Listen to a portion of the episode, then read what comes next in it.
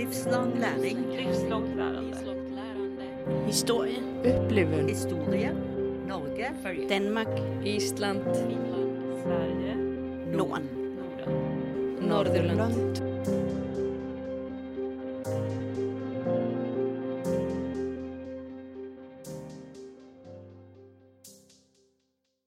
Hvad virker egentlig, hvis man vil have succes med fleksibel uddannelse? Det spørgsmål stillede Foreningen for Fleksibel Uddannelse i Danmark, IDA Education og Nordisk Netværk for Voksnes Læring, da de inviterede indenfor til en todages konference i begyndelsen af juni med et program bestående af lige del praktisk erfaring og forskning på området. 25 oplægsholdere fra hele Norden delte ud af deres viden om netop fleksibel uddannelse og digital læring, og et par af dem skal du møde her.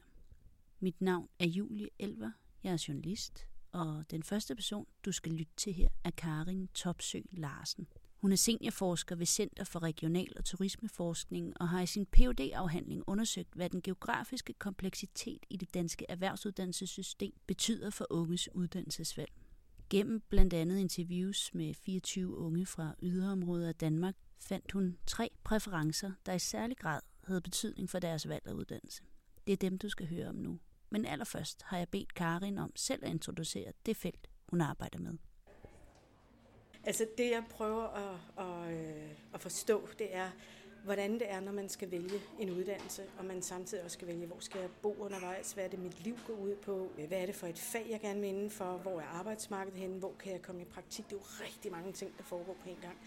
Så skal man jo træffe nogle valg, hvis det hele ikke bare er til rådighed lokalt. Og der er der nogen, der er virkelig fokuseret på at finde det fag, som passer til dem, øh, og til deres interesser og til deres evner. Og det er det, der er den faglige præference. De unge, de er faktisk i stand til at undersøge fag, også dem, der ikke ligger lokalt. Så de kan egentlig godt orientere sig nærmest nationalt. Den anden gruppe, dem jeg kalder de, dem, der har en, en lokal præference, de er meget afhængige af at afprøve de ting, der er lokalt. Og det vil sige, de, har, de kan ikke se den del af erhvervsuddannelsessystemet, der ikke står til rådighed lokalt. Øhm, og det er dem, der har brug for øh, en særlig hånd. Og så den sidste gruppe er nogen, som ser det at tage en uddannelse som en løftestang til at komme væk derfra, hvor de er vokset op. Øh, så der, der leder de måske mere efter en mulighed for at komme afsted på skolehjem eller et eller andet andet. Og de er også fagligt orienteret. Det er alle grupperne, men de har bare forskellige styrker i forhold til det. De har bare brug for at kunne flytte samtidig. Og hvad kan vi konkret bruge den her viden til? At vi kan først og fremmest bruge den til at tænke, at vi skal væk fra det der meget simplistiske med, at øh, de unge bare skal være mere mobile. Vi skal fokusere på at hjælpe dem til at finde ud af, hvad er et fag, og hvad er min faglige identitet og den proces, det er. Og give dem noget tid og noget rum og nogle muligheder, ikke mindst at afprøve forskellige fagligheder, før de skal træffe et valg, der måske kræver, at de flytter. Øh, og hjælpe dem til at komme ind i den proces. Og det skal vi gøre, fordi vi har brug for flere faglærte, og for hver gang vi ikke hjælper en ung, og ligesom siger, at han eller hun er bare ikke særlig mobil, så mister vi den unge. Og det er jo spild af gode ressourcer, både først og fremmest de unges, men sådan set også samfundet. Denne her gruppe, der er meget lokalt forankret i forhold til det, vi ellers, der ellers bliver diskuteret her på konferencen om fjernundervisning og blended learning, online undervisning. Ser du, at det kan spille en rolle i forhold til dem? Det ser jeg, men altså, jeg er ikke ekspert i nogle af de her undervisnings- eller læringsformer. Øh, så jeg, jeg ser det mere som, at det har et stort potentiale, fordi det er nødvendigt. Så det er op til os til at udvikle nogle læringsformer, som passer til de her unge. Jeg tror egentlig godt, at de kan bringes til at kunne orientere sig ud af lokalområdet og dermed også være mobile. Så det behøver ikke være sådan, at man skal tænke, at hele uddannelsen behøver at stå til rådighed lokalt. Men hvis man især fokuserer på den her første proces med at hjælpe den unge til at blive afklaret med sig selv, og med hvad faglighed egentlig er for noget, øhm, og hvad erhvervsuddannelsessystemet egentlig er, så tror jeg godt, at vi er en stor indsats, blandt andet gennem nogle forskellige øh, blended learning former i starten, kunne hjælpe den unge til at, at øh, komme positivt i gang med en, med en faglig identifikationsproces. Man kan også se, at der er rigtig mange øh, når vi taler om, der mangler lærepladser. Mange, der er jo en ubalance, så der mangler lærepladser nogle steder, hvor øh, der er mange unge, som er blevet udlært inden, eller kommet i gang skolemæssigt inden for de samme fag, Omvendt så mangler der lærlinge nogle steder, hvor at virksomheden ligger et sted, hvor at det lokale erhvervsskole ikke udbyder de fag. Så kommer der nogle ubalancer, og der tror jeg lige præcis, de her unge, som er vokset op i et lokalområde, kunne bringes til at passe ind i en af de vir- lokale virksomheder, som mangler en, en, øh, en lærling, men inden for et fag, den lokale erhvervsskole ikke udbyder. Hvis den lokale erhvervsskole så kunne hjælpes til at udbyde det fag gennem nogle mere fleksible læringsformer, så kan jeg se, at den øh, balance eller ubalance kan bringes i balance. Så det, jeg mener, der er et stort potentiale for det. En af dem, der ved rigtig meget om online-baseret undervisning, er Jesper Stensbo Knudsen. Som uddannelseschef for DTU Adgangskursus var han for fire år siden med til at lancere et helt nyt digitalt adgangskursus for voksne, der ønsker at søge ind på en ingeniøruddannelse. Inden det første hold startede op på uddannelsen, havde Jesper og hans kolleger arbejdet i tre år på at transformere det traditionelle klasserum til en helt ny digital variant baseret på blended learning. Men inden vi går dybere ind i de erfaringer, spurgte jeg ham allerførst, hvorfor man overhovedet giver sig i kast med det. Det er der forskellige grunde til. En grund var, at vi indgik i et projekt øh, som Region Sjælland, som handlede om at øh, skaffe flere uddannelsesmuligheder til unge fra regionen. Og, og det vil så typisk være nogen, der netop var placeret geografisk på en afstand fra i det her tilfælde København. Så det var for at, at øh, udvide skal vi sige, vores aktionsradius til, til større dele af, af, af Sjælland. Det var også et forsøg på at prøve at finde en målgruppe, som vi normalt ikke har adgang til. Altså nogen, som, som netop er, har behov for at blive deres arbejde og beholde en indkomst. Prøve at se, om vi kunne tilrettelægge noget, der kunne gøre det interessant for dem at komme til at læse videre. Det var sådan to væsentlige grunde. En tredje var, det overhovedet at arbejde med online undervisning, som vi ikke havde før. Vi havde en, en idé om, at det var noget, der kunne bidrage positivt også til vores almindelige uddannelser, hvis vi fik flere kompetencer og mere erfaring med at bruge online-baseret undervisning og digitale ressourcer. Og det var ret nyt for jer at give kast med det her blended learning og online undervisning osv. Hvordan griber man det an helt fra bunden? Ja, hvordan er det? Det er jo noget med, at, at øh, hvordan får vi overhovedet gjort kollegaerne klar til at sige, nu skal vi prøve at arbejde med det, som vi ellers alle sammen kan rigtig godt på en ny måde. Så noget med at skabe en interesse omkring det, noget at skabe en tilpas stor tillid til, at, at, at vi bliver præsenteret ordentligt for det og bragt ordentligt igennem det på en måde, så vi, så vi ikke kommer til at slække på vores egen oplevelse af, at vi kan det, vi gør. Det var, det var noget, der fyldte rigtig meget i, øh, i starten af arbejdet projektperioden der. Det var at, at hele tiden være sikker på, at vi, at vi ikke begav os ud i noget, hvor vi mistede vores tro på vores egne kompetencer.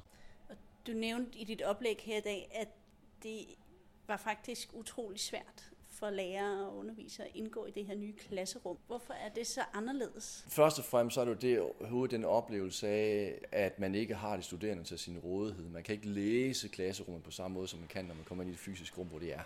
Så selve scenen er helt forskellig fra det, man ellers kender sin måde at præsentere på. Altså der er et element af, af entertainer jo i alle undervisere på en eller anden vis. Det, det, det skal man også, altså det der hedder telepræsens, altså hvordan er du nærværende i, øh, via en skærm skal man også arbejde med. Så der er, der er rigtig mange ting, der skal arbejdes med på en anden måde, end den måde, som en underviser normalt arbejder med sit, sit fag, eller sin faglighed, eller sine kompetencer på. Var I bevidste om det, dengang I lavede uddannelsen, eller da I satte de første streger til den? Ja, altså da vi, øh, vi var arbejdet med det som et udviklingsprojekt, der varede tre år, og der blev vi klædt ret fornuftigt på til øh, at, at kunne det her, og, og der blev skabt større og større bevidsthed og større og større sikkerhed blandt de, de medarbejdere, der var involveret i det på det tidspunkt. Det var, så, øh, det var, det var dengang, så har der været en, en gradvis udskiftning af, af, lærerstaben, så der er nye, der er kommet ind. Og der har vi oplevet nogle problemer med at få overført de erfaringer, som vi gjorde os dengang til, til den nye gruppe af undervisere, der skal med i det her. Og det, det var virkelig også noget, det jeg snakkede om i dag, hvor, hvor, hvor vanskeligt vi har haft ved det, eller hvor, hvor ikke tilstrækkeligt opmærksom, kan vi også sige, vi har været på at få lavet en, en fornuftig erfaringsoverførsel, det at få lavet nogle fornuftige øh, setups og organisationer omkring det at, at, øh, at tilegne kompetencerne til de nye undervisere, der skal involveres i det her. Så det var noget af de udfordringer, som, som, som underviserne har med det, det er, at, at de skal praktisere deres fag og deres faglighed som underviser på en helt anden måde, end, øh, end de gør normalt. Du nævnte også, at dem, der gennemfører uddannelsen, lå på omkring 30-50 procent af dem, der starter. Mm, ja. Hvorfor er det ikke højere? Det er der øh, forskellige grunde til. Den vigtigste grund, som vi kan se, når vi har en smule kontakt med dem, der holder op øh, efterfølgende. Nogle af dem skriver også til os undervejs, i, i, i, hvor de overvejer, om de skal blive eller ej. Det er helt klart arbejdspresset. Altså det er som sagt, de har et øh, fuldtidsarbejde ved siden af dem. Rigtig mange af vores studerende har, har børn og familier. Det kan være, at de får en ny position på deres eget job. De skifter job. Det kan være deres kone. Det er typisk mandlige studerende, vi har med at gøre, får et, et nyt arbejde. Der, de får et, et barn mere, eller et barn. Som, altså der er nogle forandringer i deres hverdagssituation, der gør, at, at så bliver det alligevel for meget. Vi gør en del ud af fra starten, når vi, vi starter et forløb, øh, som vi gør en gang hvert år. Der inviterer vi alle dem ind, eller vi inviterer dem, de siger faktisk, de skal komme på campus, hvor vi møder hinanden og ser, at der er kød og blod bag. De er faktisk involveret i stedet, der har nogle mursten, og de møder hinanden, inden vi, inden vi endelig går i gang. Men det er helt klart noget med arbejdspresset. Langt oftere end, end det faglige. Vi er jo rimelig gode til at få vores undervisere til at, at bringe dem fagligt med, men der er for meget at lave på for kort tid. Og hvis man nu sidder ude på en uddannelsesinstitution og overvejer at gøre jer kunsten efter at tilbyde en uddannelse øh, på denne her måde. Hvad er så gode erfaringer at tage med? Nu har du selv stået i det. Ja, men jeg vil sige, man skal være meget omhyggelig med ikke at undervurdere, hvor krævende det er for de studerende, øh, hvor krævende det er for underviserne, og hvor krævende det er for hele organisationen. Og man skal være meget omhyggelig med at få tænkt hele vejen rundt om, hvad er det, der skal spille og fungere, før det her det kommer til at flyve og fungere helt. Der er noget med, at der skal selvfølgelig være noget teknik, der fungerer.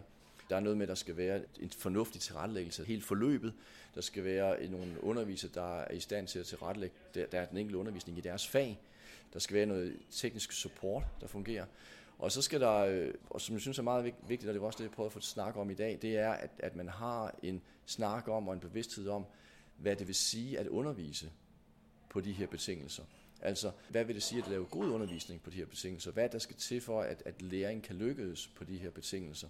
At hvis vi måler det med den samme målestok, som vi måler normal undervisning på, jamen så kommer vi til at gå rundt og er lidt smule frustreret hele tiden, fordi det, det er en anden måde at undervise på, og det kan noget andet. Og, øh, og der, der må vi have en, en snak, og det, og det bliver sådan mere af en kultursnak. Altså, hvad vil det sige at have uddannelseskultur på den her vis, hvor vi ikke på samme måde kan, kan se og røre ved hinanden i, i undervisningslokalet, som man ellers... Det, det, det er af vigtig betydning også, at det bliver værdsat af hele organisationen, hele lærerkollegiet. En anden ting det er, at, at, øh, at man skal afgøre, hvor mange vil man have med på det her. Altså er det noget, vil man have en lille, et lille specialgruppe taskforce, der kører med det her, eller vil man have, at, at hele organisationen, lærerkollegiet, er, er på den måde givet til at kunne tage vare på det her også, så skal man have en, et, et setup og en organisering omkring det også, for at det kommer til at kunne lykkes. Så det med kompetencetilegnelse, hvordan gør man det? Hvis man først har kørt en, en, en sådan taskforce igennem, og, og har en gruppe af, af gode undervisere, der kan det her, hvordan får vi så givet erfaringerne og få dem videre til andre, er jo også vigtigt, for at det kommer til at fungere. Det her med, som du nu også er inde på, med at man er nødt til at retænke spørgsmål om, hvad er god undervisning, mm. når det skal foregå på en anden måde end den traditionelle. Mm. Har I selv fundet svaret på det? Er I noget mål Nej. på det spørgsmål? Det er vi ikke noget mål med, alene af den grund, at det er vi heller ikke på det konventionelle undervisningssetup. Altså det er et spørgsmål, man hele tiden skal stille sig selv hvad der skal til for at have god undervisning. Der er nyt materiale, der er nye øh, målgrupper, der er nye studerende, der sidder. Så i, altså, det er sådan set et spørgsmål, man skal stille sig selv hver eneste dag, kunne man sige. Det gør man så måske ikke, men man skal i hvert fald hver eneste gang, man har en, en, en undervisningsseance eller undervis, planlægget undervisningsforløb, så skal man jo stille sig selv, hvad skal jeg gøre godt for, at det her det kommer til at lykkes? Så den forstand skal man hele tiden stille spørgsmål. Det jeg mener, man skal, det er, at man skal være mere bevidst omkring de præmisser, som undervisningen foregår under, som er anderledes end de præmisser, der normalt foregår under eller på at de er anderledes, og, og derfor skal man stille spørgsmål, men måske ud fra nogle, nogle, nogle andre forudsætninger. Det, at vi ikke er i det fysiske rum, hvad, hvad, hvad, hvad kan vi så have af, af målestok for, hvornår det er god undervisning? Og, og så en opmærksomhed på, at, at vores fokus skal jo være på, på, hvornår de studerende lært det, de skal, det, vi mener, de skal kunne. At det, at vi ikke måske så meget tænker på, hvad jeg skal sige, for at, det, for at jeg får sagt det, der skal siges, men at man er meget mere opmærksom på, hvad, hvad kan, hvordan kan vi supportere gøre det, at, at de studerende lærer det de, det, de skal. Og der kan man også sige, at vi har at gøre her med en målgruppe, som har en masse erfaring, i og med, at de er ude i erhvervslivet og har et, et arbejde, som peger i retning af ingeniør typisk.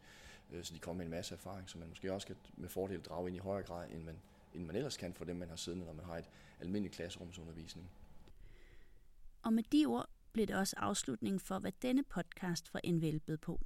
Hvis du er blevet nysgerrig efter mere, vil jeg anbefale dig at klikke ind på nvl.org-distance, stavet D-I-S-T-A-N-S, hvor du kan læse alt lige fra rapporter og artikler om emnet til at finde information om kommende arrangementer og netværket generelt.